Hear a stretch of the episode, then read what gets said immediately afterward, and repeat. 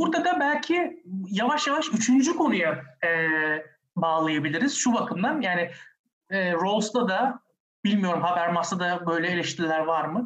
E, ama e, bu tür az önce bahsettiğim şikayetlerin bir kısmı da şuradan geliyor aslında. Yani Rawls'ta veya ana akım analitik felsefe, analitik siyaset felsefesinde hakim ideolojilerin eleştirisi e, çok fazla e, bulunamıyor veya hakim kültürel formasyonların eleştirisi ve bunları içerisinde ideoloji eleştirisiyle toplumsal mücadelelerle dirsek teması içinde aynı zamanda ne tür e, karşı hegemonik gedikler açılabilir ve bu tür problematikler sanki biraz göz önünden kaybolmuş gibi. Buradan da şu soruyu sormak istiyorum. Yani Rawls ve Habermas arasındaki bu yakınlaşma analitik felsefeyle e, Frankfurt ekolü arasındaki e, işbirliğinin veya diyaloğun tek mümkün yolu mu yoksa ideolojinin sorunsalları, ideoloji eleştirisi gündemi üzerinden başka bir düzlemde de konuşmak mümkün mü e, deyip ilk soruyla da yani bu ikinci kısmın ilk sorusuyla da ideolojiyi nasıl tanımlamak gerekiyor? Frankfurt Okulu'nun temsilcileri bu noktada ne düşünüyor? Sana sorarak devam edeyim. Tamam. Ee, bu ideoloji nedir sorusuna girmeden önce e, aslında Habermas'la ilgili olarak belki e, şu söylenebilir. İdeolojiyi sorguluyor mu, sorgulamıyor mu?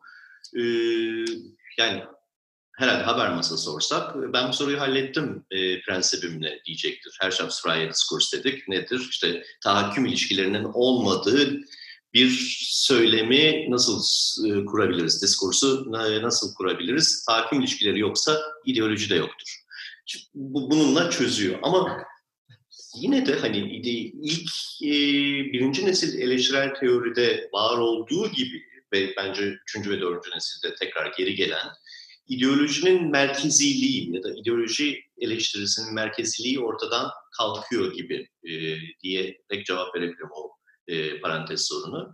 E, şimdi istersen bir ideoloji nedir onu e, yavaştan konuşmaya başlayalım.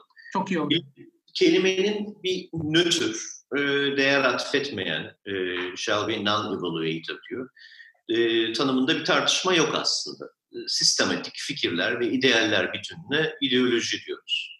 İşte siyaset biliminde bu anlamda muhafazakar ideolojiden konuşmak, liberal, sosyalist, sosyal demokrat, cumhuriyetçi, you name it gibi aşağı yukarı tutarlı siyasi ideolojilerden, inanç sistemlerinden hayatın nasıl yaşanmasına, siyasetin nasıl örgütlenmesine dair kapsayıcı doktrinlerden söz etmek. Bunlara ideoloji. Ancak çoğunlukla ideoloji kavramı bu nötr kullanım, kullanımının ötesinde negatif bir değer yargısı ifade ediyor. İdeoloji kötü bir şey. Kelimeyi bu anlamı ilk yükleyen bildiğim kadarıyla Marx e, günlük yaşamda da ideoloji kavramını kullandığımız zaman, bu ideoloji dediğimiz zaman çoğunlukla bu negatif anlamında içererek kullanıyoruz. Örnek vereyim. E, işte söz konusu bireysel özgürlük anlayışı liberal ideolojinin bir ürünüdür. Ses tonumla verdim.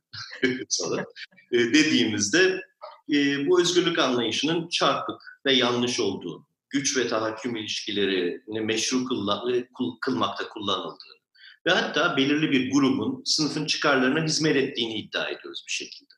Yani bu negatif anlamıyla nötr olmayan ideolojik kullanım.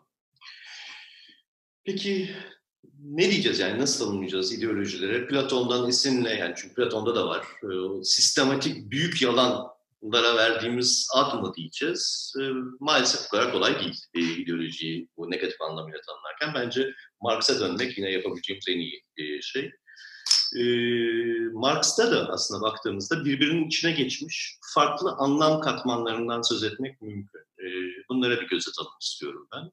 Farklı eleştiri, ideoloji, eleştiri, ideoloji nedir farklı tanımlarından söz etmek mümkün. E, Marx da öncelikle klasik tanımından yola çıkıyor ideolojinin. E, bu Alman idealizmi yazısında Marx ve Engels'in beraber yazdığı yazısında e, işte sistematik düşünceler ve idealler bütünü e, ideoloji. Bu düşünce ve idealler bütünü toplumun maddi üretim ilişkilerinden bağımsız, bu ilişkilerin belirleyiciliğini dikkate almaksızın geliştirildiğinde boş lafa dönüşüyor. Yani Bruno Bauer'e e, ve işte sol hegelcilere söylediği şey siz boş konuşuyorsunuz. Yani çok fazla derinleştirmeye gerek yok. Boş konuşuyorsunuz diyor.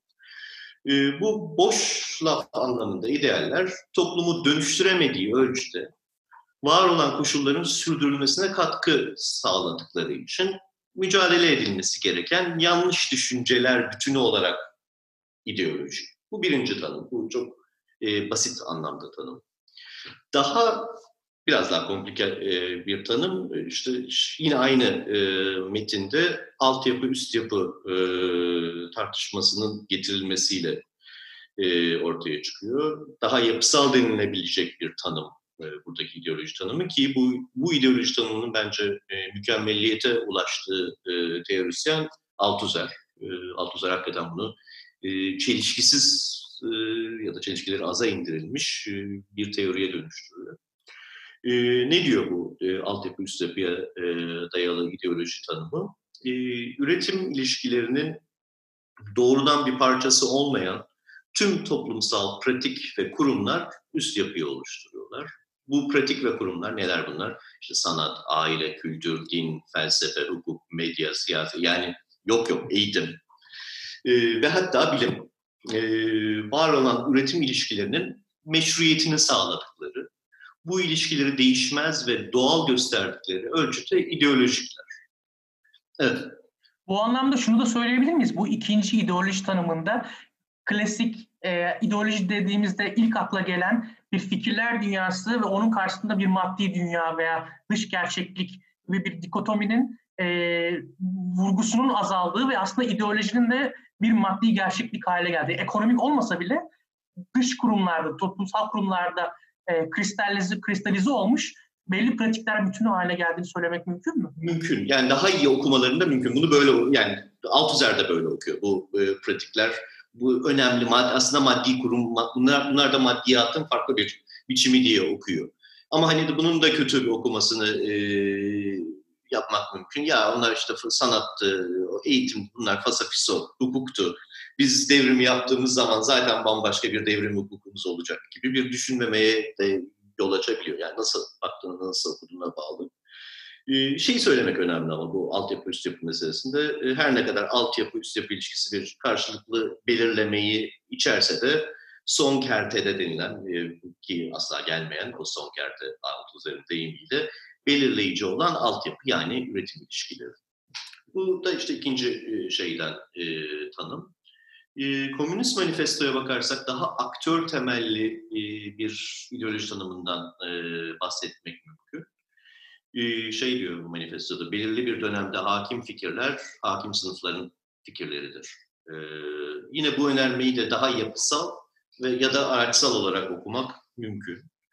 Araçsalcı yorum ki bununla çok karşılaşıyoruz artık bu konspirasiye e, dönüşen, şey, konspirasi teorisine dönüşen yorumlara e, da el veriyor ideolojinin bir propaganda ya da reklam sektöründe olduğu gibi bir grup ya da sınıfın var olan toplumsal ilişkileri meşruiyet kazandırmak için geliştirdiği düşünce ve idealler bütünlüğü olduğunu söylüyor. Yani bu da bir intensiyonel bir şey söz konusu. Yani bir, bir grup ki bu yapılmıyor değil, yapılıyor yani. Yani hele ne diyeyim e, Türkiye gibi ülkelerde diyeyim. E, yani açık açık bunun birilerinin oturup e, Carl Schmitt falan okuduklarını düşünüyorum. Ee, oradan ideoloji geliştirdiklerini. Ee, daha yapısalcı yorum ise hakim sınıfınların bilinçli ya da bilinçsiz var olan toplumsal ilişkileri meşru kılan düşünce ve pratikleri adeta doğallaştırdıklarını söylüyor. Yani hakim sınıflar varoluşlarıyla ideoloji yayıyorlar diyebiliriz.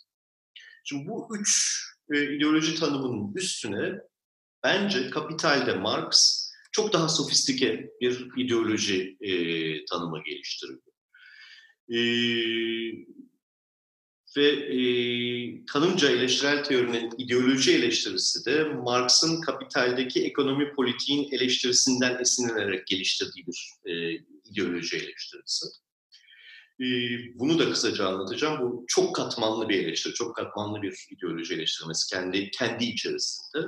Ki şeyi de söylemek lazım yani hiçbir zaman e, kapitalde de bir ideoloji şudur diye tanımlamıyor Marx. Bu bizim tamamen okumamızın ürünü. Şimdi öncelikle e, Marx kapitalin alt başlığından da anlaşılacağı üzere kapitalde hem bir toplumsal ilişkiler bütünü olarak kapitali hem de bu siyasi ekonomik düzene dair üretilmiş bilimsel bilginin çifte bir eleştirisini sunuyor. Yani hem var eleştirisi hem de o var bilgisinin eleştirisi kapital. E, bu nokta önemli belki bilgiyle pratiğin birbirinden ayrılmadığına dair vurgu. İkincisi ünlü metaların fetiş karakteri bölümünde de ifade edildiği gibi bu toplumsal ilişkilenme biçiminin kendisinin objektif denilebilecek bir yanılsamayı dayattı. Bu nokta ilginç çünkü e, Shelby mesela e, böyle bir şey var Marx'ta ama bunu ideoloji e, eleştirisi bağlamında ele almamalıyız.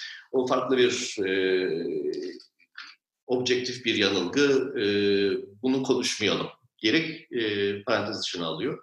İlginç bir nokta. Ne diyor bu meta fetiş, metaların fetiş karakteri e, bölümünde? Çok zor bir konu. E, müdahale edebilirsin e, anlaşılmıyorsa. Deneyeceğim, denemesini yapıyorum. Aşağı yukarı şöyle diyor Marx burada.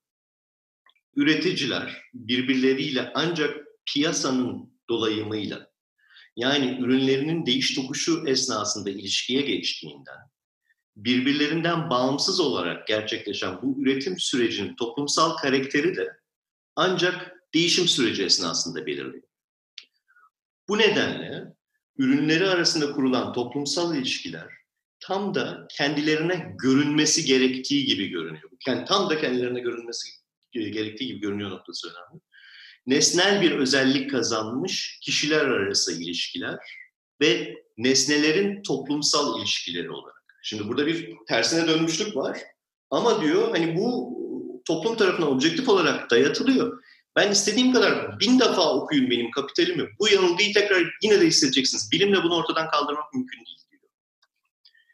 Diğer bir deyişle insanların birbirleriyle kurdukları toplumsal ilişkiler bütünü bu ilişkilerden bağımsız nesnel bir biçim alıyor. Ve bu meta değiş tokuşunda ifadesini bulan nesnel ilişkiler ağı insanların kontrolünde olacağını, onları kontrol altında tutuyorsa, söz konusu fetişizm öznel bir yanılsamanın değil, toplumsal ilişkilerin bir sonucu. Çok affedersin. Yani bunu ortadan kaldırmak istiyorsak bilim yetmiyor diyor. Yani açıklama yapmak yetmiyor, toplumu dönüştürmek zorundayız. Ancak o zaman o yanılsamalar ortadan kalkacak. Ee, buyurun. Hemen burada e, senin bu açıklamanı biraz daha anlaşılır kılmak ve berraklaştırmak için e, bir soru yönelteceğim. E, şu bence gayet net. Yani e, nesnel bir mübadele ilişkisi var ve o mübadele ilişkisinin e, katılımcıların zihninde yarattığı bir intiba var ve bu intiba aslında sadece yalan değil çünkü az önce de söylediğimiz gibi nesnel bir sosyal pratikten kaynaklanıyor. Peki o zaman bu noktada şu soruyu e, sorayım ki biraz daha e, ideoloji eleştirisiyle e, ilişkisi netleşsin. Peki burada tırnak içinde gerçek bir yalan varsa yani artık objektif realite haline gelmiş bir toplumsal ilişkilenme sürecinden bahsediyorsak ideoloji eleştirisi bakımından bunun sorunlu tarafı nedir?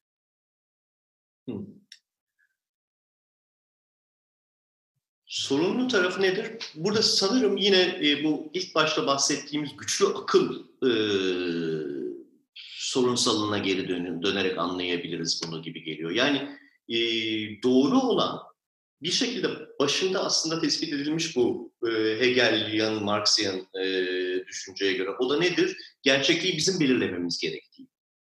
Bizim gerçekliğin bizim kontrolümüzü altında olması gerektiği. E, ve hani bu anlatıda, bu anlatıda gerçeklik bir şekilde bizim kontrolümüzde biz yapıyoruz ama o gerçeklik bizi kontrol ediyor. Buradaki bu tersliği o yüzden yenemediğimiz sürece bir ideolojik yanılsamanın içerisinde bulunuyoruz. Gibi bir şey herhalde bilemedim tam. Ee, ama hani bu objektif denilen, denilen yanılsamanın da ideoloji e, eleştirisi kapsamına alınması önemli. E, çünkü mesela Adorno'da e, örnek vereyim. Hani Adorno'nun Minima Moralia'da e, güzel sözlerinden birisi şey diyor bir yerde. E, ağaç bile yalan söylüyor. Hani der Baum böyle bakıyorsun hani ne demek istiyor diye. Ama hani söylemek istediği o toplumsal ilişkiler bütünü e, öyle yanlış ki, öyle bir yanlışı dayatıyor ki e, ağaç bile yalan söylüyor gibi. E, devam edeyim istersen bu e, Marx'ın sofistike eleştirisini tanıtmaya. Bu metafetişizmi önemli. Yani işte objektif denilebilecek bir yanılsama. Ee, bunun bir diğer sonucu olarak tarihsizleştirmeye işaret ediyor. E, bununla çok bağlantılı olarak sunuyor. E, Marx o ilişkiyi kurmak zor olabilir ama e, çok bağlantılı olarak e, metafetişizmi e, bizim topluma bakışımızı tarihsizleştiriyor diyor. Nesnel bir nitelik kazanan toplumsal ilişkiler bütünü insanların özellikle de bilim insanlarının gözünde ikinci bir doğa olma özelliği kazanıyor. Söz konusu ilişkiler tarihsel değil, doğal olarak görüldüğünde de bu ilişkileri dönüştürme olana, radikal bir şekilde dönüştürme olana ortadan kalkmış oluyor. Ee, yani bu doğallaştırma, naturalization ve tarihsizleştirme e, diğer eleştirel e, yaklaşımların ideoloji tanımlarında da önemli bir yer tutuyor diye düşünüyorum. E, yani hatta ne bileyim derslerimde öğrencilere hani doğa kelimesini duyuyorsanız alarm zillerinin çalması lazım. Burada bir şey var. İdeolojinin en en, en şey basit tanınabilecek fenomenlerinden biri diyebiliriz. Bir şey diyecektim. Bu anlamda aslında burada e, epistemik de bir eleştiri var gibi geliyor bana. Yani epistemikten kastım e, bilgi temelli veya bilme temelli bir eleştiri. Çünkü şu anlamda e, toplumsal olan bir e, olguyu doğal bir olgu olarak görme, yorumlama, deneyimleme e, hali aslında kavramların neliğine dair, kavramların e, kategorik doğalarına dair yani bu kavram doğaya ilişkin, doğa, doğaya dair bir kategori kavramı mı yoksa toplumsal ilişkilere dair bir kategori kavramı mı e, kararını verirken kavramların kategorik bilgisini yanlış kullanmamıza veya yanlış bilmemize e, eğer öyle bir e, kullanım çelişkili olmayacaksa yol açıyor. Bu anlamda bilgi temelli epistemik bir e, eleştiri de söz konusu gibi geliyor bana. Doğru, yani kesinlikle katılıyorum ama e, zaten bu ilk e, sofistike olmayan ideoloji tanımında da tamamıyla epistemolojik bir e, yaklaşımdan söz etmek mümkün. Burada o epistemolojik e, ideoloji tanımına, yani o yalana e, başka bir şey ekleniyor sanki. Yani çünkü toplumsal pratiklerin kendisi bize bu yalanı dayattığı için pratikler bilginin olmasının ötesinde, bilgi olmanın ötesinde hayatı şekillendirme biçimi yanlış gibi bir şey. Yani pratiklerin kendisi ideoloji. Ee, bunu birazdan belki tartışacağız. Bu Shelby'yi beraber okuma yaptığımız e, yazarlardan birisi. Ee, hani onun yaklaşımında e, göreceğiz sanırım bu işte e, tamamen ideolojiyi bir narratif olarak, bir anlatı olarak görmek. E, bunu yapmıyor demeye çalışıyorum bu Marx'ın daha sofistike olan şeyine. Narratifin ötesinde e, bu doğal pratikler bunlardır. Hatta çok ünlü bir, şu anda aklımda tam olarak veremeyeceğim ama bir, e, birinci chapter'ın sonunda yani birinci bölümün sonunda Marx e, Shakespeare'den bir alıntı yapıyor. E, ne güzel ifade etmiş Shakespeare bu tersine dönmüş dünyayı diyor işte e, eğitim e, doğadan gelir, e, insanın güzel oluşuysa toplumdan. Şimdi bunun tersi doğru değil. Yani işte Marx'ın söylemeye çalıştığı şey e, elbette hem doğadan geliyor hem toplumdan geliyor. Güzellik de hem doğadan hem toplumdan geliyor. Bunları birbirinden ayırdığımız sürece e, hataya düşüyoruz gibi bir şey söylemeye çalışıyor sanırım. E, bir dakika nerede kaldım? Yani bu ikinci doğa olma meselesi o yüzden sadece epistemolojik bir şey değil. Yani pratiklerin bize dayattığı bir şey olduğu ölçüde e, objektif bir yanılgı. O yüzden objektif yanılgıyı epistemolojik olarak anlatmak pek kolay değil gibi geliyor bana. Bilmiyorum sen ne diyorsun? Ee, buna dair fikrimi son bölümde tamam. açıklayacağım. Çünkü oranın bağlamına daha çok oturuyor gibi hissediyorum. Tamam, Sen peki. istersen devam et ideoloji e, taraflarında. Tamam. tamam.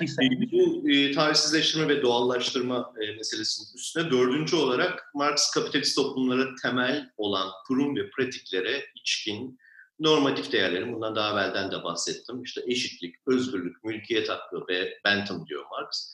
Bir yanlarıyla kapitalist ilişkiler için vazgeçilmez oldukları yani bu bir kronik kapitalizm değilse Türkiye'de olduğu gibi işte ne bileyim eşit kontrakt ilişkilerine dayanması gerekiyor mesela. Değil Buna yani olmazsa olmazı doğru işleyen bir kapitalizmdi. Bu toplumsal ilişkilerin bütünü içinden veya sınıf perspektifinden bakıldığında ise söz konusu kurum ve pratiklere içkin normatif değerlerin sözünü verdikleri idealleri değil, tam da bu ideallerin aksini gerçekleşmesine katkıda bulunduğunu söylüyor. İşte eşitlik son derece eşitsiz bir şeye, ilişkiye, e, özgürlük tam bir köleliğe, mülkiyet hakkı mülksüzleştirmeye e, ve e, işte ne bileyim Bentham'la ifade edilen psoyla bir dayanışma bile e, aslında bir tahakküm ilişkisine dönüşüyor. Yani Marx'ın bütün birinci ciltte anlattığı şey bu, hikaye bu. E, son olarak e, Marx'ın kapitalde İngiliz işçi sınıfı mücadelelerinin tarihini konu olan anlatısını kapitalist ilişkilerin bütününü kapsayan ve bu nedenle doğru olan bir eleştirel perspektifin nasıl ve neden gelişmesi gerektiğinin hikayesi olarak da okumak mümkün. Yani o çok garip bir şey çünkü Marx e, önce bir kavramsal bir şeyler anlatıyor. Ondan sonra tarih giriyor. Ondan sonra tekrar kavramsal bir şeyler anlatıyor. Sonra tekrar tarihsel anlatı. Ve en sonunda tarihsel anlatıyla bitiyor. Yani son kavramları da e, tanıttıktan sonra. E, bunu o yüzden nasıl yorumlayacağımız üzerine böyle bir, bir büyük bir tartışma var. Benim yorumuma göre burada Marx doğru eleştiriyi nasıl bulmamız gerektiğini bize gösteriyor. Çünkü ilk tarihsel anlatıda eleştiri ya bu ahlak şey e, adaleti e, şey yapmıyor, adaleti yerine getirmiyor diyor işçiler. Adalet perspektifinden yapılan e, eleştiri önemli ama yeterli değil. Bir sonrakinde işte ya ama özgürlüğümüz elden gidiyor, özgür bir şekilde kendimizi gerçekleştiremiyoruz diyor. İşte oradan belirli bir e, haklar kazanıyorlar. E, ne denir?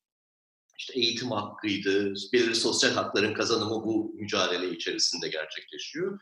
En son noktada tarih girdiği zaman bu işte şey, e, mülksüzleştirmenin hikayesi, nasıl mülksüzleştirmeyle ortaya çıktığının hikayesi anlatıldığı zaman aa diyoruz burada bir tahakküm ilişkisi var. Bunun hikayesiymiş meğer gibi bir e, şey.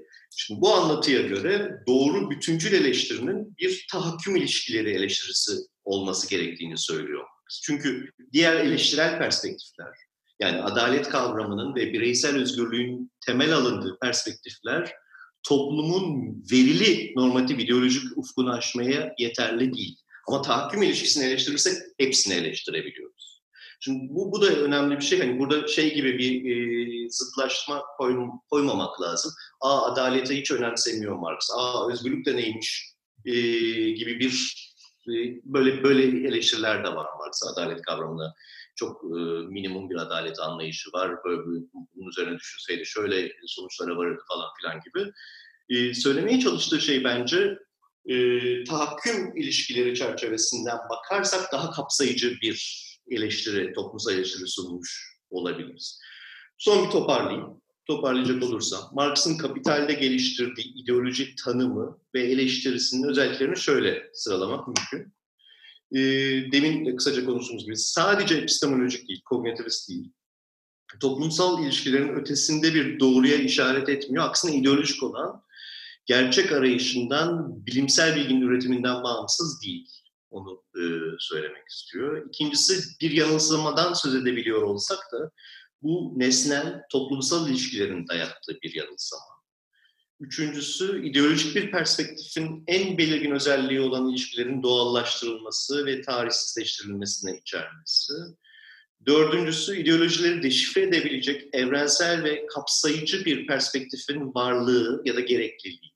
İşte bu sınıf perspektifinden e, tahakküm ilişkilerinin eleştirisi. Beşincisi ideoloji eleştirisinin diğer normatif ahlaki eleştirilerden farklı olarak tahakküm ilişkilerinin hedef aldığı, alması gerektiği. İşte eleştirel teorinin bu tanımı kullandığını ve geliştirmeye çalıştığını düşünüyorum. Bu oldukça iddialı bir eleştiri türü ve yanılmıyorsam analitik felsefeyle girilen diyalogda ideolojik kavramın konusundaki anlaşmazlık tartışmalarında da belirli bir, belirleyici bir rol oynuyor. Ne diyorsun bunda? Evet, kesinlikle. Ee, yani analitik e, felsefede bir kere şey de var. E, o şimdi sen anlatırken e, dikkatimi çekti. Yöntemsel olarak sanki biraz daha e, mikro temellere odaklanıyor. Yani senin anlattığın e, ideoloji yaklaşımı Marx'tan hareket ederek e, açtığın e, kanal son derece holistik aslında yani totalde bir e, düzen var ve olan tüm yanılsamalar yanılsamalar dönüp dolaşıp bu düzenin makro e, seviyedeki özelliklerinden bir şekilde kaynaklanıyor veya bir şekilde dönüp dolaşıp onlarla ilişkileniyor. Analitik felsefede e, ideoloji kuramcıları e, ideolojinin toplumsal e, özelliklerini kesinlikle reddetmiyor ama odak noktaları bence biraz daha e, mikro düzlemde. Yani ondan da şunu kastediyorum. Hatta buradan da e, bir giriş yapmış olayım. Yani iki temel e, ideoloji tanımı var diyebiliriz analitik felsefede. Birincisi işte Harvard'lı bir e, felsefeci Tommy Shelby'nin e, ideoloji anlayışı bir inanç sistemi olarak kabul ediyor. Bu inanç sisteminden ne kastım bu da Türkiye'de çok sıklıkla yanlış anlaşılıyor. Dini inanç vesaire değil. Aslında kastımız kanaat veya bilme iddiası. Bir şeyin iyi olduğuna, doğru olduğuna dair bir düşünceler ve kanaatler e, kümesi. E, burada toplumun üyeleri tarafından yaygın bir şekilde benimsenmiş, sistemli bir bütünlük oluşturan, toplumsal ve siyasal kurumları ve bireylerin kimliklerini şekillendiren inançlar, kanaatler kümesi e, şeklinde görüyoruz. Burada tabii şu e, önemli. Yani bu ideoloji tanımı tanımının ne önemi var veya ne şekilde tanımladığımızın ne önemi var e, dediğimizde aslında ideoloji tanımından yola çıkarak e, nasıl tanımladığınıza bağlı olarak e, eleştiri düsturunuzu, eleştiri şeklinizi de belirleyecek. Bu kanaat ve inanç e, düzleminde ideolojiyi tanımladığı için Tommy Shelby ve e, onu ondan esinlenen e, analitik felsefeciler ideoloji eleştirisini genel olarak epistemik bilişsel bir e, eleştiri projesi olarak e, görüyorlar. Bu epistemik bilişsel eleştiriden kastım da şu. Temel e, amacı bilgiyi bilgi olmayandan, e, rasyonel akıl yürütme ve inanç, kanaat oluşum süreçlerini e, güç ilişkileri tarafından veya başka irrasyonel sosyal faktörler tarafından oluşturulan etki ve kanaatlerden ayırmaya çalışan e, eleştiri, e, sorry, pardon, e, kanaatleri ve fikirleri e, olabildiğince ben bu kanaat ve fikirleri yeterli şekilde kanıtlandırabiliyor muyum? Yeterli şekilde gerekçelendirebiliyor muyum? Sorusunu sordurup eğer bu kanaatler endokrinasyon, beyin yıkama, toplumsal e, konumumuz itibariyle bir takım çıkarlarımızdan dolayı belli ön yargılara sahip olma gibi bilişsel defolardan kaynaklı olduğunda bu inançları eleştiriye tabi tutup bunları elimine etme gibi bir e, amaç söz konusu. Birkaç örnek verecek olacak. Mesela e, toplumsal cinsiyet normlarını düzenleyen kanaatler, yaygın kanaatler, toplumsal normlar aynı zamanda bunlar. Tabii işte kadın eşine itaat etmeli, kadın çocuk bakımının esas sorumlusudur gibi inançlar, kanaatler. Bu kanaatler ve inançlar bağım, görece bağımsız ve rasyonel bir akıl yürütmenin sonucu mu oluştu? Yoksa tamamıyla sosyalizasyon, tamamıyla bir nevi endoktrinasyon sonucunda veya belli bir toplumsal kesimin mesela erkeklerin çıkarına daha fazla hizmet ettiği için ve bunun yarattığı ön yargı, bu konumun yarattığı ön yargı dolayısıyla mı benimsenip e, yayıldı gibi sorular soruyor aslında ve e, kanaat oluşum, inanç oluşum süreçlerinin e, rasyonel bir imbikten geliştirerek bu sorunlu kanaat sistemlerinin, değer sistemlerinin e, eleştiriye tabi tutmak düzleminde bir ideoloji eleştirisi projesi söz konusu. E, yani tamamıyla katılıyorum sana. E, burada bir de şeyi eklemek lazım, e, değil mi? İdeolojiyi yalandan ya da kognitif bir defisitten ayırmak için bir fonksiyonu var bunu yaparken. Bu fonksiyon da esasen meşru, meşruiyet, meşru kılıyor. evet işte kadınlar böyle böyle işler yapmalı. Çünkü işte Tanrı böyle istedi, işte ne, bilemiyorum yani e, ideoloji ne söylüyorsa. Ama hani söylediği şey aslında bir tahakküm ilişkisinin e, meşru kılınmasının çabası. Aynen öyle. Aslında zaten ideolojik inançların e, tanımında da bu biraz yediriliyor. Yani şey deniyor ki sistemli bir bütünlük oluşturacak ve bu toplumdaki temel kurumları ve temel ilişkilenme biçimlerini belirleyecek. Yani bir sosyal formasyonda yaşadığınızda neden o yaşadığınız sosyal formasyon adil, meşru, e, bir sosyal formasyon veya neden bu tip bir aile ilişkisi de başka türlü aile ilişkileri e, ahlaki değil gibi. Aslında tam da dediği gibi bir meşrulaştırma fonksiyonu ve düzeni bu anlamda sosyoekonomik aynı zamanda sosyokültürel formasyonları yeniden üretmek, kuşaktan kuşağa e, istikrarını e, sağlama gibi bir aslında fonksiyon e, e, var deniyor. Yani e, kısaca şey diyebiliriz o zaman. Bu an, anlam, e, bu şekilde anladığımız zaman ideoloji, ideolojiler e, e, ne denir? Ada, e, yok. E, tahakküm ilişkilerini meşru kılmaya yönelik yanlış ya da defekt ya da dis, distorting nasıl söyleyeceğiz? E, yanıltıcı yanıltıcı bilgiler Yanıltıcı bilgiler bütünü. Aynen yanıltıcı bilgiler, kanaatler, değer yargıları bütünü denilebilir. Evet. Tabii Shelby şunu da söylüyor e, makalesinde. Yani iki, iki farklı makalede ideoloji ve ideoloji eleştirisini işliyor yanılmıyorsun. E, şunu da söylüyor. Aslında pratikler de, e, alışkanlıklar da e, veya tamamıyla zihni, zihinsel olmayan, inanç olmayan, bir takım maddi varlığı olan e, unsurlar da ideolojinin içerisine e, dahil edilmeli ama temel yapı taşı inanç ve kanaatlerdir diyor. E, burada tabii ki yine e, şu tartışmalı yani evet kapsayıcı bir ideoloji tanımına sıcak bakıyor ama orada da tabii şey noktasında eleştirilebilir. Yani inançlar gerçekten de yapı taşı mı? Belki de o pratikler orada olduğu için o inançlar orada. Yani inançlardan mı nedensellik ilişkisini pratiklere doğru e, çizeceğiz yoksa okul ters çevirip pratiklerden inançlara ve kanaatlere doğru mu bir e, bir nedensellik bağı kuracağız. Hı hı. Tam da bu noktada yine analitik felsefe ekolü içerisinden özellikle son 10 yılda e, oldukça tartışılan ve popülerleşen bir ideoloji yaklaşımı yine ABD'li filozof Sally Haslanger tarafından e, ortaya atılıyor. E, senin de sanırım daha e, cezbedici bulduğun e, ideoloji yaklaşımı e, bu olsa gerek diye tahmin ediyorum analitik felsefe içerisinde. Evet, yani e, felsefe bağlamında düşündüğüm zaman Haslinger'ın e, anlayışının çok daha e, eleştirel felsefeye hitap eden bir anlayış olduğunu düşündüm okurken. E, ama hazır sözü almışken kısaca senden korsan bir e, şeyi söyleyeyim. Shelby hakkında da fikrimi söyleyeyim. Yani okurken ikinci okuyuşum makalesini, makalesinin adını da vereyim. Ideology, Racism and Critical Social Theory. E, okurken tekrar böyle bir hayran oldum e, berraklığına, anlatıştaki berraklığına. E, yani katılmıyorum. Yani bence ideoloji eleştirisinin e, böyle sınırlamamamız gerektiğini, sadece epistemolojik alanda bırakmamamız gerektiğini düşünüyorum. Ama öte yandan o kadar net bir şekilde anlatıyor ki yani bence e, ideoloji e, üzerine tartışılırken mutlaka bu makalenin giriş makalesi olarak okunması gerekiyor e, diye düşündüm. E, Haslanger konusundaki fikirlerimi de daha sonra tekrar şey yaparım.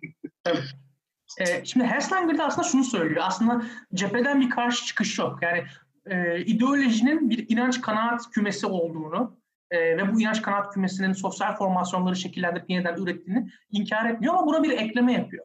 Ve diyor ki aslında ideoloji aynı zamanda toplumsal gerçeklikten ayrılamaz derecede onunla bir olmuş kavram kümeleri, yönelimler ve bunlardan doğan toplumsal pratikler bütünüdür diyor.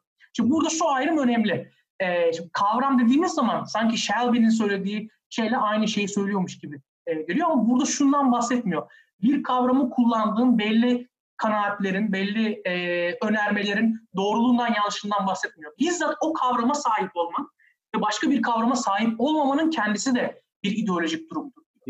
E, yani aslında epistemolojiden semantiğe yani bilgi felsefesinden dil felsefesine ve anlam ilişkilerine doğru e, o daha biraz kaydırıyor. Burada çok somut bir e, örnek vereyim. Hani o soyutluğu biraz ortadan kaldırmak için şöyle bir ikili örnek düşünebiliriz e, daha şer bir perspektifinden karşımdaki duvara bakıyorum diye. Bu duvar beyazdır diye bir e, kanaate sahibim diye. Şimdi bu inancı tamamıyla doğrulama yanlışlama e, süreçlerine tabi tutmam mümkün. E, bunun çeşitli cihazlar getiririm, pigmentine bakarım, bir şekilde ölçerim, tartarım veya bu inancın başka benzer inançlarla tutarlı mı değil mi şeklinde bir epistemik bilişsel eleştiriye tabi tutup bu inancı doğrulamak veya yanlışlamak mümkün. Ama anlam ilişkilerinde tam olarak böyle bir şey yok diyor Esler. Neden? Çünkü toplum anlama dair kavramları, e, anlama dair belli yönelimlere sahip olduğunda, yani kavramları belli şekillerde kullandığında kavramın toplum tarafından kullanılmasından bağımsız bir objektif anlam yok diyor. O zaten objektivitenin kendisidir diyor. Bu örneği de e, yani ırk ve cinsiyet üzerinden, ırk ve toplumsal cinsiyet üzerinden e, oldukça e, tartışılıyor bu e, yaklaşım. Ve toplumsal cinsiyet üzerinden şu örneği veriyor. Mesela kadın kavramı. Şimdi kadın kavramını farklı şekillerde tanımlamak mümkün. E, trans bireyleri dışlayan kadın kavramları veya içeren, onları kapsayan kadın kavramları gibi ikili bir e, kavram setinden bahsettiğimizi varsayarsak eğer Hesslinger açıkçası şöyle bir e, eleştiri getiriyor bu daha epistemik kognitivist ideoloji eleştirisine odaklı olanları bu kavramın anlamının ne olduğunu doğrulayıp yanlışlamamız epistemik araçlarla yani bu e, inancın kendisi rasyonel mi değil mi diye düşünmemiz çok anlamlı değil. Çünkü anlama dair e, yönelimlerimiz, kavramları kullanma şekillerimiz zaten bizim toplumdan neyi aldığımıza dair e, ilişkilenme biçimi. Yani biz toplumdan öyle gördüğümüz için ya yabancı bir dil öğrendiğinizi düşünün. E, işte Fransızca, Fransızca'da şu kelimeye neden maskülen artikel geliyor da e, feminen artikel gelmiyor. Şimdi bunun kanıtlanacak, rasyonel olarak temellendirecek bir durum yok. Çünkü dil toplumun bir takım pratikleri e, dolayımıyla tamamen aslında bir anlamda keyfi oluşmuş bir şey. Hmm. Ve realitenin, sosyal realitenin bu anlamda dil kendisi haline geliyor. Dil bu anlamda kendi gerçekliğini ve doğrusunu yaratıyor diyor. Peki o zaman nasıl eleştireceğiz sorusu e, burada e, gündeme geliyor. Yani epistemik bilişsel kaynaklarla eleştiremiyoruz çünkü tam olarak eleştirdiğimiz şey inanç değil, kavramların anlamı kanaatlerden ziyade. O zaman şunu diyor Eslem'de bu noktada ki bu bence ideoloji eleştirisine dair en tartışmalı söylediği şeylerden bir tanesi.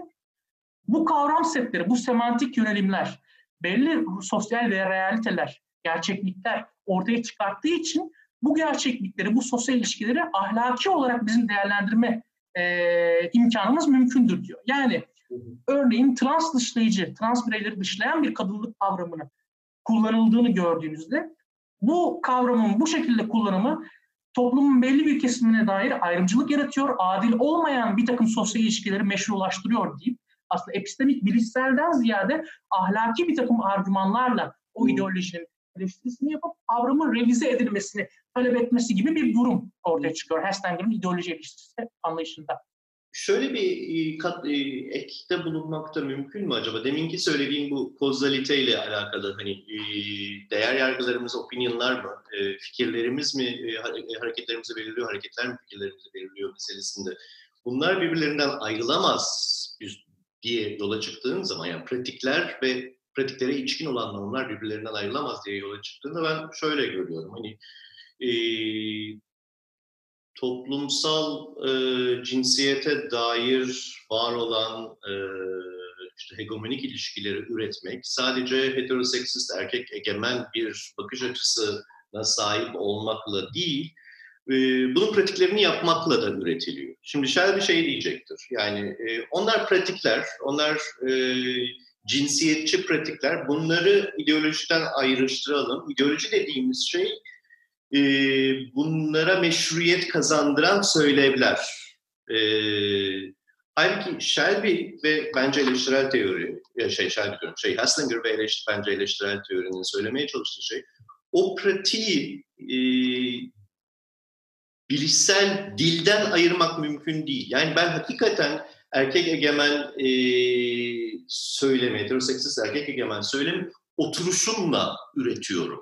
Oturuşumla, e, diğer erkeklerle bakışmalarımla, bir, e, mansplainingle. E, yani bu pratiklerin kendisi ne ideoloji diyor sanki. E, işte bunu dediğin zaman da tabii ama canım o zaman her şeyi birbirine karıştırıyorsunuz. Pratik mi hangisi şey hangisi gibi bir soru. Tabii orada şöyle de bir e, yani anladığım, empati kurduğum bir e, şey var, serzeniş var. Yani bir şey her şey olduğunda aslında hiçbir şey oluyor. Yani ideoloji tamamıyla bütün evet, pratik evet. kümelerini kapsayan, e, her şeyi içine alan bir şey geldi. O zaman ideoloji eleştirisileri her yöne çekilebileceği... Ben, ben de tam, tam da bu yüzden e, Shelby'ye katılmıyorum. Ama çok önemli okunması dedim. Çünkü çok clear yazıyor. Çok net bir şekilde yazıyor. Ve hani ideoloji belirli bir tanım yapıyor. Bunu nasıl zenginleştirebiliriz? Hani onun üzerine tekrar e, düşünmek daha faydalı sanki.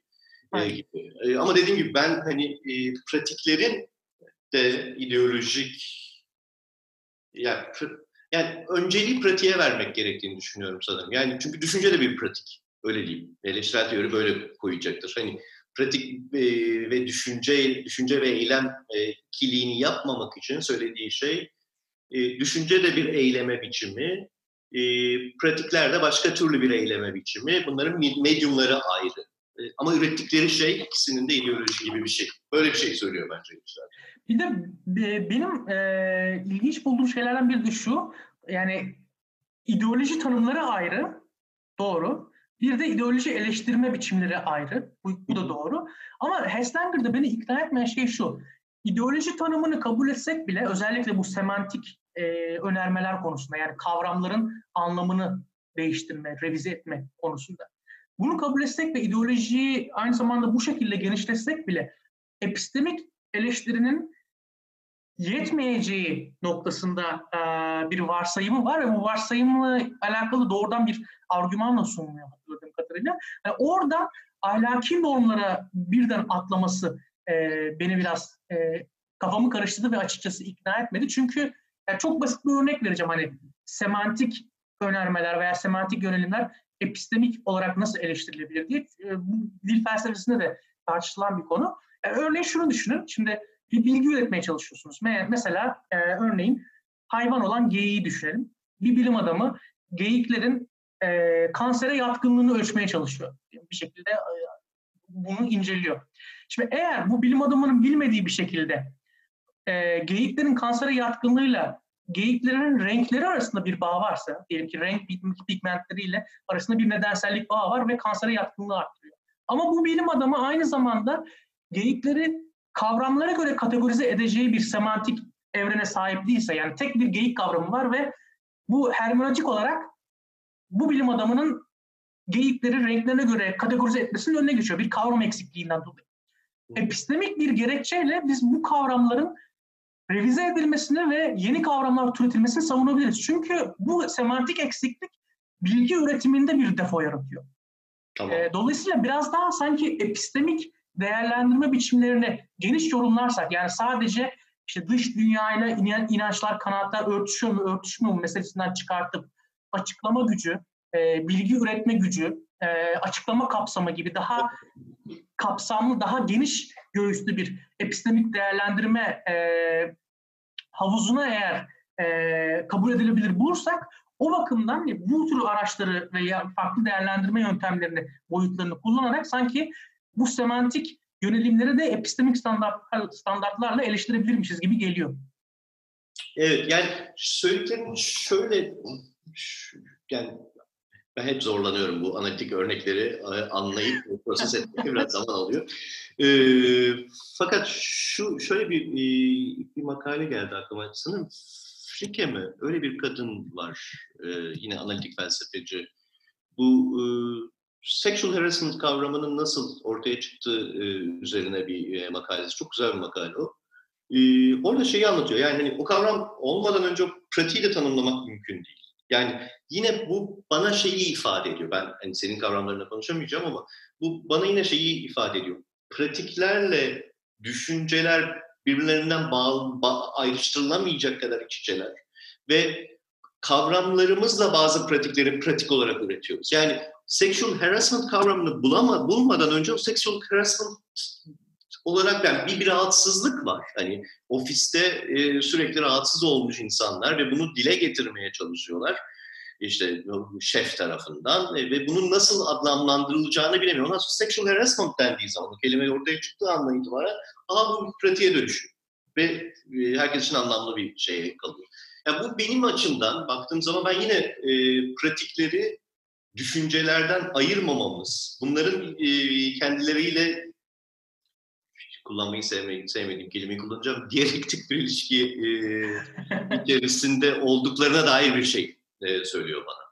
Ya da çok özür dilerim. Ya da iki farklı e, hani daha naif bir e, gerçeklik e, dil ilişkisi nedir? Dil gerçekliği reprezente ediyor. İşte e, bir, bir yani, yani e, e, reprezentatif bir e, naif dil anlayışıyla konstruktif yani dilin dünyayı yaptığı aslında Hegel felsefesinde de var olan şey bu. Yani biz dilimizle dünyayı var ediyoruz.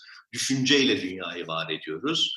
Hani buna nasıl materyalist bir turn verebiliriz? Sadece düşünceyle değil, eylemlerimizle de var ediyoruz dünyayı demek. Yani Marx'ın getirdiği şey o. Ama hani biz düşünceyle e, dünyayı var etmiyoruz e, Felsefenin Temel İlkeleri adlı e, kötü kitapta bahsedildiği gibi e, idealizm bu değil. Yani idealizmin söylediği şey düşüncelerimizle aslında dünyayı var ediyoruz. Marx'ın da buna eklediği şey sadece düşüncelerimizle değil, pratiklerimizle de, eylemlerimizle de var ediyoruz. O yüzden bunları birbirinden ayırmamanın yolunu bulmalıyız gibi. Ve son olarak Helslinger o yüzden benim hoşuma gidiyor. Yani o ayrımı yapmadığı için, yapmamaya çalıştığı için. Evet. E şeye kesinlikle katılıyorum. Hani e, e, dil temsil ilişkisinde ben de şunu savunuyorum yani dilden bağımsız bir e, olgular dünyası var ve dil onu şekillendirmiyor. Demiyorum sadece emin olmadığım ve biraz daha şüphe duyduğum nokta e, dilin şekillendirdiği olguların dil tarafından şekillendirildiğini kabul ederek, bunu inkar etmeden aynı zamanda e, kavramları bir takım epistemik gerekçelerle revize edip olguları ve dolayısıyla olgulara dair bilgileri değiştirip dönüştürme. Ve işte orada tabii şu sorun ortaya çıkıyor. Yani epistemik gerekçeler veya epistemik ihtiyaçlar e, bir takım ahlaki e, taleplere ihtiyaç duymadan bu motivasyonu yaratabilir mi, yaratamaz mı? Evet, ben yaratamaz derim hemen çekin. evet. evet. E, buradan da... Evet. Ya, yok, şey rica ederim. Yok yok ben şey bir sonraki... Sen, sen devam edelim diyecektim. Ee, birazcık şey e, dağılmadan e, toparlayalım diyecektim. Aynen ben de şimdi tam onu e, söyleyeceğim. Yani aslında zaten ideoloji tanımından ideoloji eleştirisinin nasıl yapıldığına farklı felsefeciler tarafından e, evet. e, değindik. Burada biraz da işin Frankfurt okulu tarafına dönüp e, ideoloji eleştirisinden Frankfurt ekolü filozoflar e, ne anlıyor, ne tür e, eleştiri yöntemlerini benimsiyorlar başka hangi alternatiflerle bunları kıyaslıyorlar? Belki e, bunlar üzerine birkaç şey konuşabiliriz. Evet. E, daha önceden de belirttiğim gibi eleştirel teorinin temel meşgalelerinden biri e, doğru ve etkili toplum eleştirisinin nasıl yapılması gerektiği. Yani aslında Horkheimer'dan itibaren eleştirel teori eleştiri nedir sorusunu soruyor. İnsan bazen çıldıracak gibi oluyor. Hala bulamadığınız bu sorunun cevabı. Ama her yeni felsefeci, e, her yeni nesil bu soruyu tekrar sormak zorunda hissediyor yani. E, bu konuda her teorisyen yeni yaklaşımlar geliştiriyor olsa da tüm düşünürlerin üzerinde uzlaştığı en önemli husus toplumsal eleştirinin toplumun analizinden bağımsız yürütülemeyeceği ve hatta eleştiri ve analizin eş zamanlı yürütülmesi gerektiği. Yine bu da Marx'tan esinlenen bir şey. Yani e, kapital nedir? Hem ekonomi politiğin eleştirisi hem de onu eleştirirken aslında kapitalin nasıl işlediğini anlatıyor. Analiz ve eleştiri bir arada yürüyor. Ee, yani şey gibi bir sıralama yok. Önce bir analiz edelim, ne olduğunu görelim, ondan sonra eleştiririz gibi bir şey değil. Analizin içine içkin eleştirin. Ee, ve eleştirinin normatif ölçütlerinin, neyin doğru, yanlış, iyi, kötü, güzel, gerçek, normatif deyince e, bazen karmaşıklığa yol açıyor. Yani bunları kastediyoruz, değer yargıları. Toplumsal kurum e, ve pratiklere temel olan değerlerden beslenmesi gerektiği. Bir Diğer uzlaşı konusu da toplumsal eleştirinin normatif eleştiriyle yetinemeyeceği. Radikal bir dönüşüm istiyorsak toplumsal tahakküm ilişkilerini hedef alması gerekti. Şimdi son yıllarda Rahel Yegi bu iki özelliği bir arada düşündüğümüzde eleştirel teori adına yapılan eleştirinin ideoloji eleştirisi olarak adlandırılması gerektiğini söylüyor ki bence de ikna edici bir e, tanım bu. Şeyi e, deminki eleştirini de aklımızda tutmak gerektiğini düşünsem de yani her şeyi ideoloji eleştirisine altına sokarsak geriye ne kalacak? Farklı bir eleştiri olabilir mi? E, eleştirisini bir kenarda tutmak lazım aslında. Ee, ama bence ikna edici bir tez. Çünkü tahakküm ilişkilerinin eleştirisi meselesine daha evvelden birçok yerlerde değindim. Ee, bir de normatif ölçütlerin toplumsal kurum ve pratiklerden geliştiren dışsal olmayan radikal eleştirinin biraz daha açılması lazım. E, bu ikisinin hakikaten var olduğunu düşünüyorum yani eleştirel teoride. Yani dışsal olmayan bir te, e, olmayan bir eleştiri türü. Ne demek istiyorum onu açıklayayım. Dışsal eleştiri, içkin eleştiri, içsel eleştiri bunları bir, bir kısaca üzerine durayım. Gerçekten de eleştirel teori başından beri harici prensiplere dayalı normatif bir eleştiri ile yetinilemeyeceğini söylüyor. Söz konusu harici prensipler Kant'ın ahlak felsefesinde ifadesini bulabilir mesela. Burada da ifadesini ya da ideal teori tam da bu yani eleştirel teorinin perspektifinden baktığın zaman ideal teori bu dışsal normları geliştiriyor diyor. Ee, işte Kant'ın ahlak felsefesinde görebiliyoruz yine evrenselci bir şey. Böyle bir evrensel geçerlilik iddiasına sahip olabilecekleri gibi dışsal eleştiriler kültürel kültürcü eleştirilere de temel olabiliyorlar. Hani ne, ne diyor? Bizde böyle yapmazlar. Bizim mahallede bu iş böyle yapılır. Şimdi tabii bunun hiç, yani bu ikincisinin eleştiri, bu partikülerizmi, e, bu tikelciliğin bir, bizde yani, eleştirel yanı yok. Çünkü dogmatik bir şeyden bahsediyoruz. E, yani bizde bu iş böyle yapılır, doğrusu da budur. E, ama işte hani bunu e, başka toplumlara eleştiri, pseudo eleştiri, bu dogmayı başka toplumlarla karşılaştırıp siz de böyle yapmalısınız dediğinizde, dediğinde işte hiçbir efektivitesi olmayan bir karşılaştırma, dogmatik bir karşılaştırma oluyor. Yani bu da bunu buna dışsal eleştirinin içerisinde. Daha çok bizim eleştirinin e, dışsal eleştiri derken aklımızda olması gereken şey Kant felsefesine dayalı evrensel bir takım normların gelişmesi. Şimdi eleştiri için bu dışsal e, harici değerler ölçüt olmaktan çıkarıldığında akla gelen ilk eleştiri, eleştirel yaklaşım toplumsal pratik ve kurumlara içkin ideallerin bu ideallerin uygulamalarıyla karşılaştırılması oluyor. Yani bir idealler var bir de bu ideallerin uygulamaları. Arada bir uyuşmazlık tespit ettiğimizde yapmamız gereken sadece toplumsal pratik ve kurumları bu ideallere uygun olacak bir şekilde nasıl şekillendirebiliriz diye gereğini düşünmek. Ancak bu eleştirel yaklaşımda da toplumsal normlar verili olarak görülüyor ve uygulamadaki yanlışlığın tespiti bu kabul gören normların radikal bir açıdan sorgulamamıza olanak vermiyor. Yegi buna bir makalesinde Oliver Stone, e, Oliver Stone tipi eleştiri diyor. Yani işte ah gidi bizim Amerikan değerlerimiz böyle mi olacaktık? ee, işte bu, bu tür eleştiri içsel eleştiri demek e, mümkün. Internal kritik. Hatta çok özür dilerim hemen böleceğim. Çok kısa bir not düşeceğim. E, Yegi'nin kitabında e, bu e, içsel eleştirilerin temsilcilerinden biri olarak da bir analitik felsefeci olan Michael Walzer sanırsam e, Tabii, yani, onu eleştiriyordu. Yani o biraz daha şey çünkü e, orada hermeneutik de giriyor işin içine. E, onun daha o içsel eleştirinin daha sofistike şeyi sadece e, nedir normlar ve kurumların uyuşmazlıklığıyla değil. Ya ben anlamıyorum. Ne zaman okusam Michael Walzer'ı şey oluyorum böyle evet yani konuşmamız lazım. E, kendimizi daha iyi anlamamız lazım.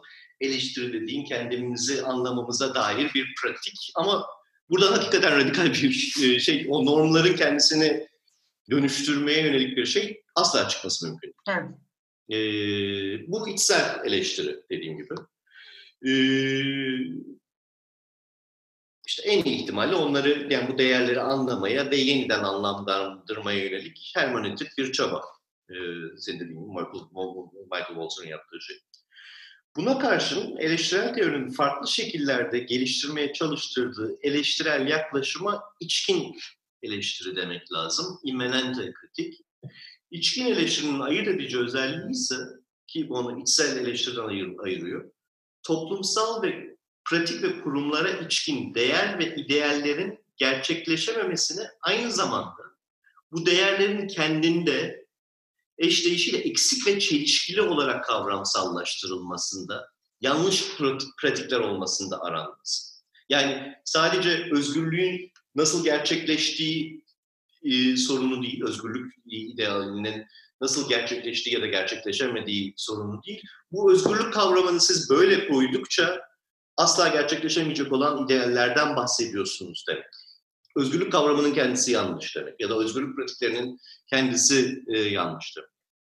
Peki bu kavramsallaştırmaların değerlerin kendilerinin yanlış olduğunu hangi normatif standartlara göre değerlendireceğiz? İşte buradaki bu hani büyük e, 10 bin dolar sorusu bu.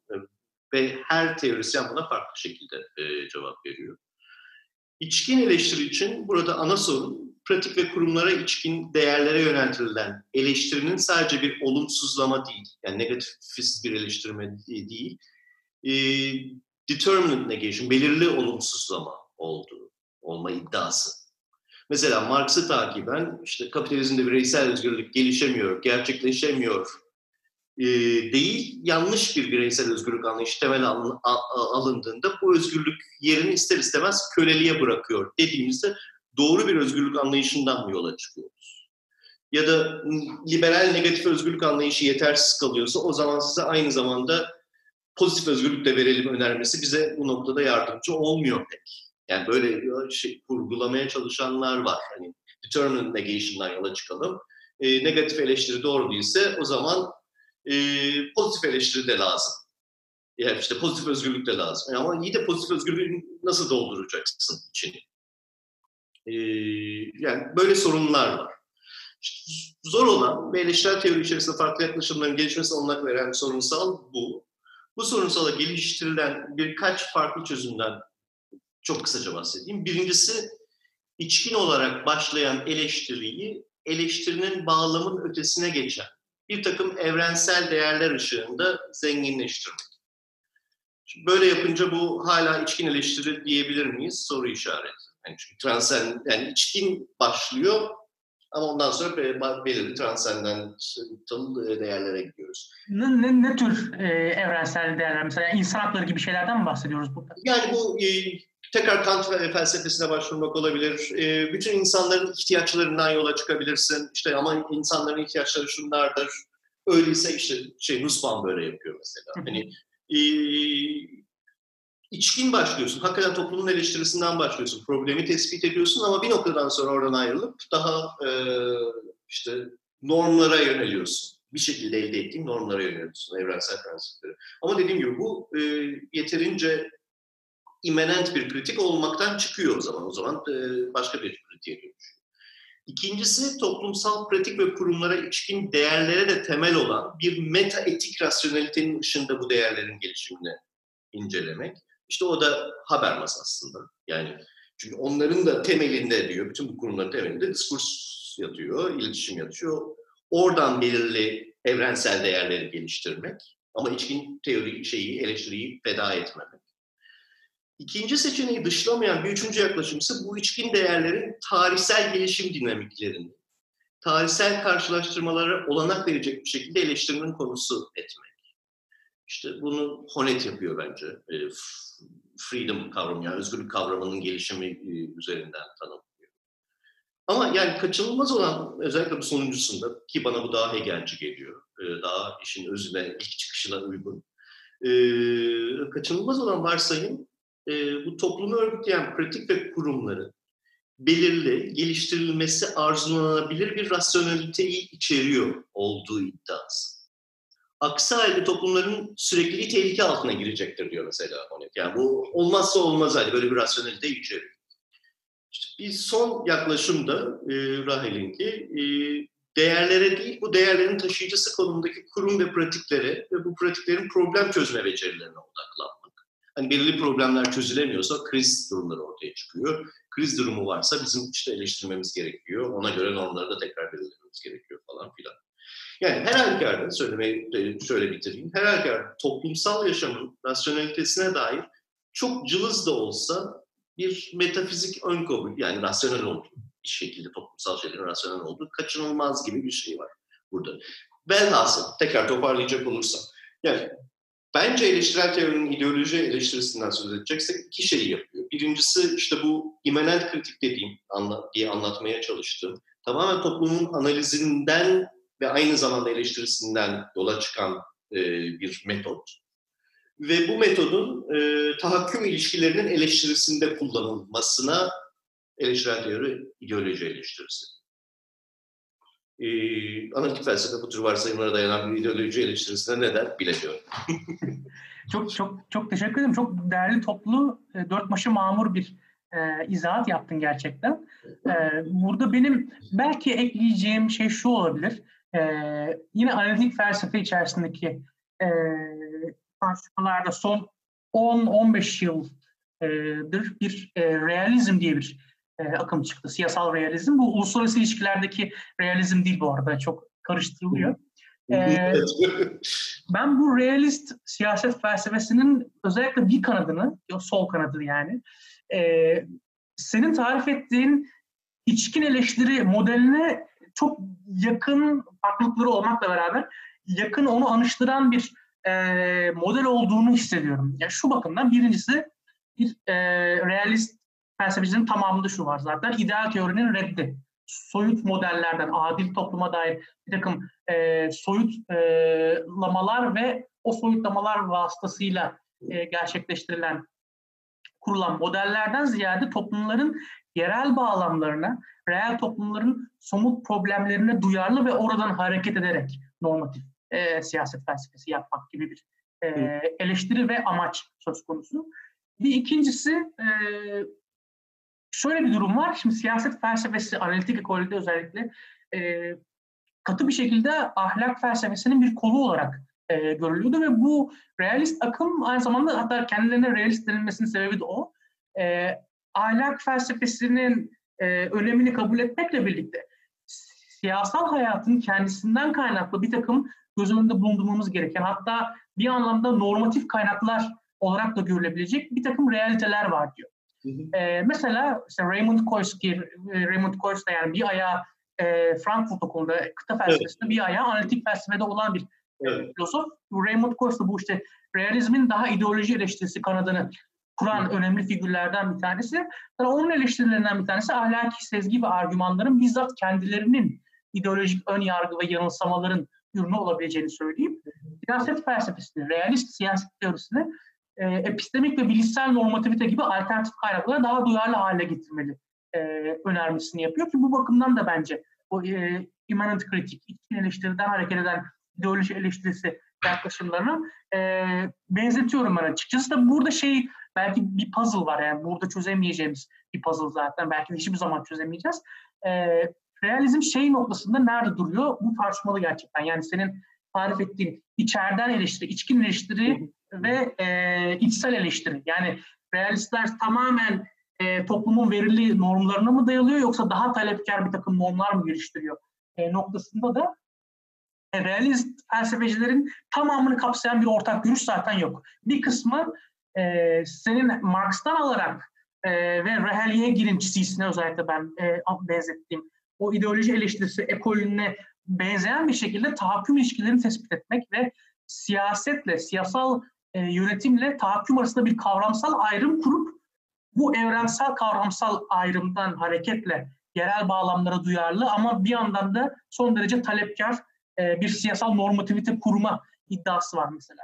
E, bu bakımdan en azından realist felsefecilerin bir kısmının ben e, Frankfurt Okulu'nun bu son bahsettiğim e, kanadıyla benzeştiğini ve bazı ortaklıkları olduğunu düşünüyorum.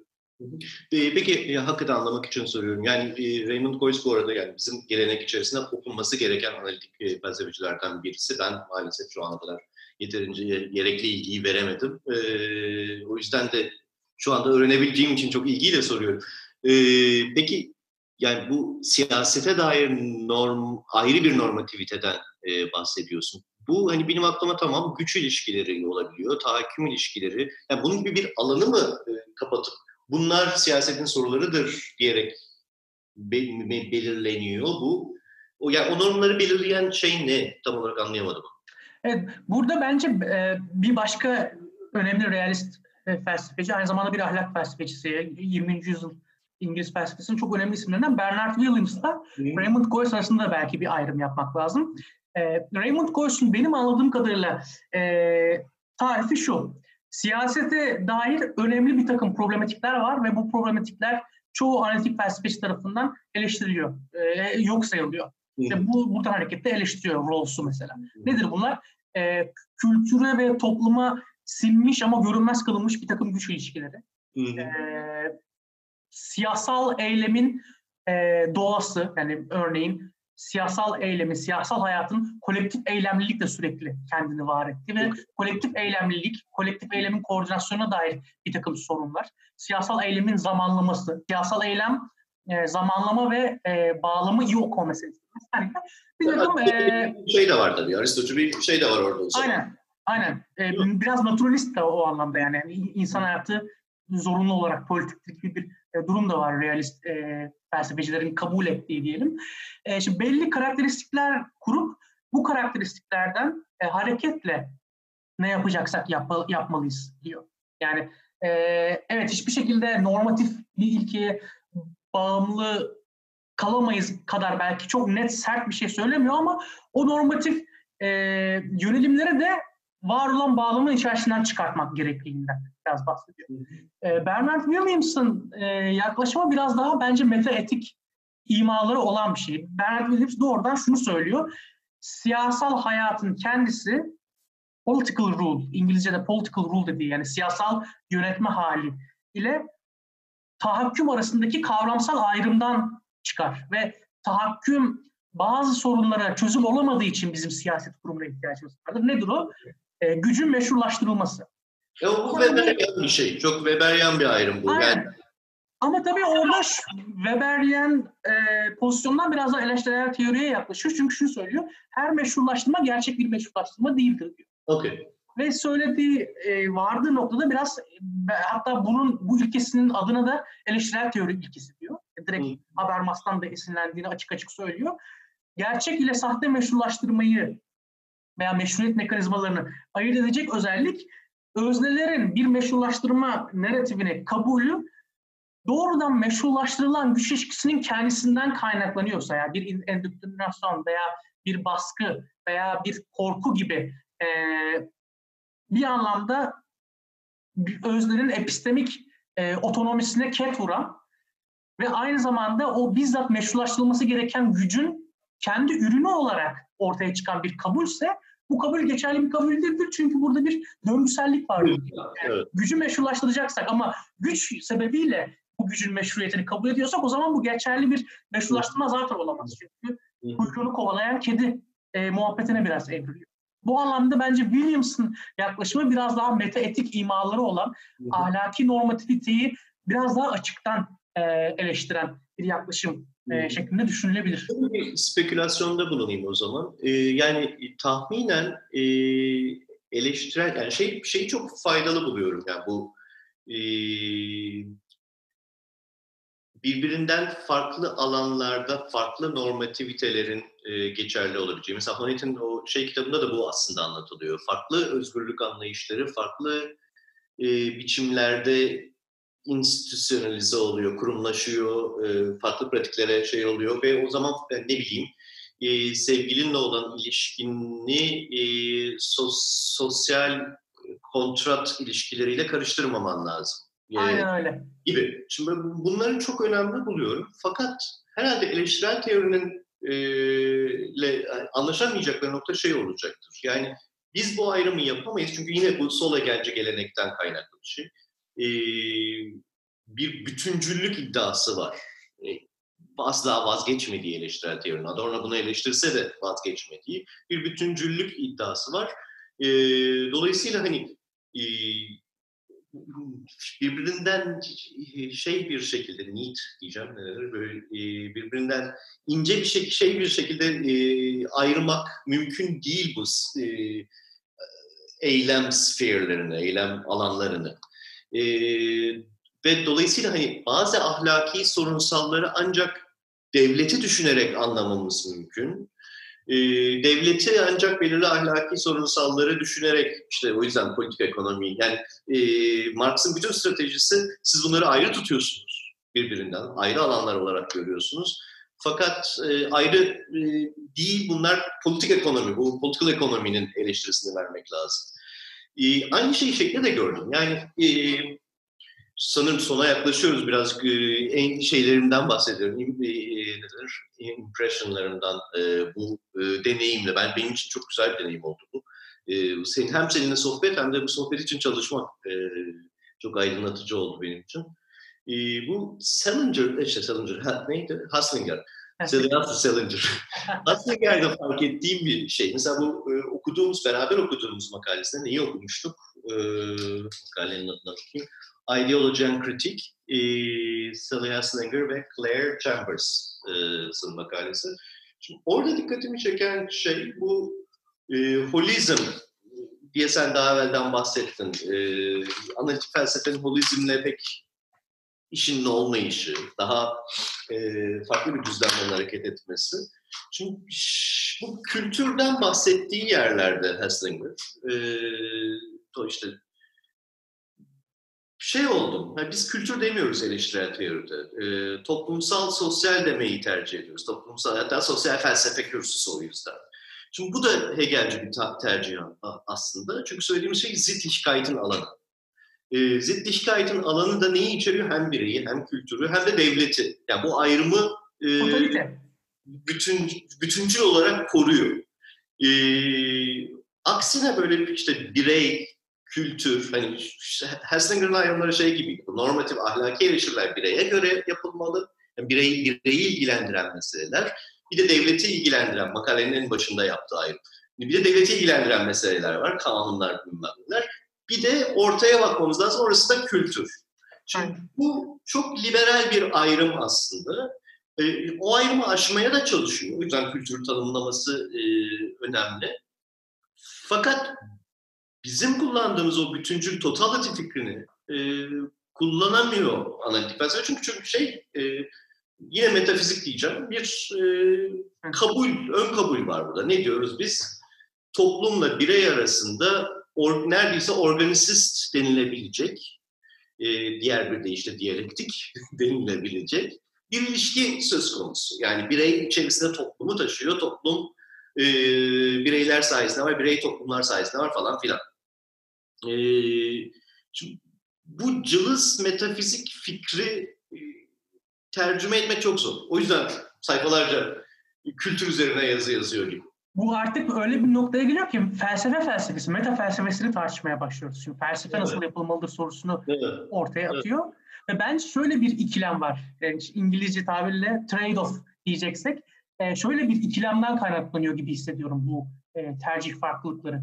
E, bir yandan e, analitik felsefenin çok değer verdiği netlik meselesi. Evet. Yani evet. spesifik olarak hangi mekanizma hangi mekanizmayla etkileşiyorsa veya hangi norm ne tür pratiklere e, odaklı bir şekilde bir eleştiri geliştiriyorsa burada çok net olmak bence artık biraz kültürel şey. Yani o akademik komünitenin kendi evet. kültürüne içkin e, sebeplerden de kaynaklanıyor. E, bu netlik pahasına e, açıklama kapsamı daraltılıyor. Evet. Eleştirel teoride Frankfurt Okulu'nda da bence sosyal teori zaten yedi geçiyor aynı zamanda. Evet. Çok geniş göğüslü bir açıklama kapsamı var ve bunun pahasına yani bunu elde etmek için de e, açıklamadaki netlikten biraz feda ediliyormuş gibi hissediyorum. Evet kesinlikle katılıyorum sana. Yani e, Shelby okurken özellikle işte dedim ya hani ne kadar net yazmış yahu katılmasam da çok güzel bir yazı diye.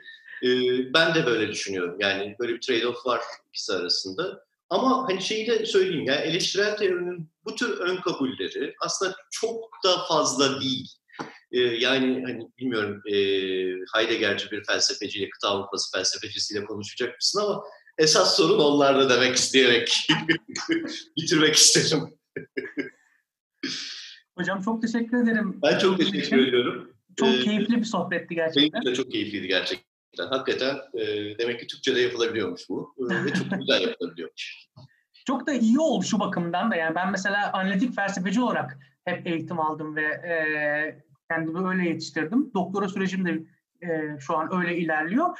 Ama hep şöyle bir ikilem yaşıyordum yani ilgi duyduğum problematikler ve temalar bakımından e, eleştirel teoriye çekiliyorum. Ama felsefe yapma alışkanlıklarım ve benimsediğim yöntemler bakımından da hala bir analitikçi gibi kendimi hissediyorum ve ikisinin arasında kalmışlık duygusu gerçekten e, son yıllarımı domine etti diyebilirim. Ama hem bu diyaloğun kendisi yani hem bizim burada birbirimizle konuşabiliyor olmamız hem de daha geniş çerçevede felsefe dünyasında şu anda bu tür problemlerin e, hem Frankfurt ekolünden yetişen felsefeciler hem de analitik ekolden giderek eleştirel teoriye yaklaşan felsefeciler arasında bir e, konuşma, ortaklaşma zeminini bulması beni de çok sevindiriyor açıkçası.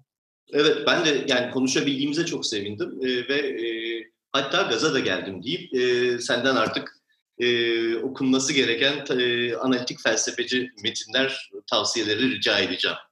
Ben de aynısını sizden isteyeceğim. Bil mukabele. tamam o zaman. Çok teşekkür ederim. Ben çok teşekkür ediyorum. Programı da yavaştan kapatacağız artık. Ee, sevgili dinleyiciler, e, oldukça uzun bir yayın oldu. Sonuna kadar gelebildiyseniz, şu an beni e, duyuyorsanız sizi tebrik ediyorum. Ayrıca sabrınız için teşekkür ediyorum. Bir sonraki bölümde görüşmek üzere. İyi günler.